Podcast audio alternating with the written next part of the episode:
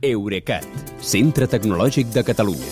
Innovant amb les empreses. Innovant amb tu. Albert Cuesta, bona nit. Bona nit, Kilian. Avui parlem de refredats. Els universos paral·lels, això, es refreden. Disney ha tancat la seva divisió de metavers. Uh, aquella tecnologia que fa només uns mesos ens havia de canviar la vida, ara es veu que ja no és tan inevitable com deien alguns. El gegant de l'entreteniment Walt Disney Company, que de fet és, era un dels candidats més previsibles a explotar les tecnologies del metavers perquè eh, per tots els seus mons de, diguem-ne, de fantasia i d'il·lusió, acaba de tancar el departament que s'hi dedicava, això del metavers, i ha despatxat els 50 empleats que hi treballaven.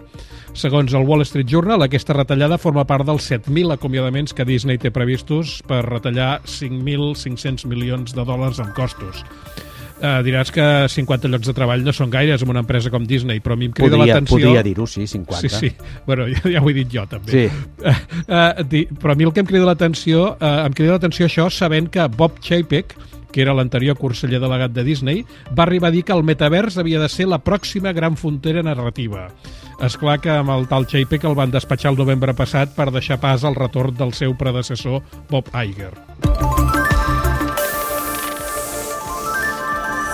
I per tant, si ni tan sols Disney aposta pel metavers, com semblava que ja apostava al 100%, Uh -huh. què deu estar pensant, com ho deu estar encaixant Mark Zuckerberg, que n'és el promotor, aquest sí, probablement principal? Doncs a hores d'ara no consta que Zuckerberg hagi dit res de la retirada de Dis- de Disney, però la seva empresa Meta tampoc sembla que li vagi gaire bé. Des de 2020 ha venut només 20 milions de visors Oculus de realitat virtual, que 20 milions en aquesta indústria no són res, i a començaments de mes en va rebaixar dràsticament els preus per veure si en venia algun. El model de gamma alta Oculus Quest Pro ha passat de costar 1.500 dòlars a només 1.000. Eh, recordem, això sí, que la divisió de metaversos de Meta va perdre l'any passat més de 12.000 milions d'euros. I malgrat tot això, encara hi ha qui n'espera fer negoci, no? Apple, per exemple. Sí, el fabricant dels iPhones confia que després dels ordinadors, els mòbils i els rellotges, la seva pròxima gran plataforma de continguts, eh, dispositius, aplicacions i serveis serà la realitat mixta. El conseller delegat Tim Cook ha arribat a declarar que en el futur ens demanarem com podíem viure sense realitat augmentada de la mateixa manera que ara ens demanem com podíem viure sense internet. Ja, També podria diria que ser. Millor vivíem millor, no? Però bueno. Ja, això és una altra cosa.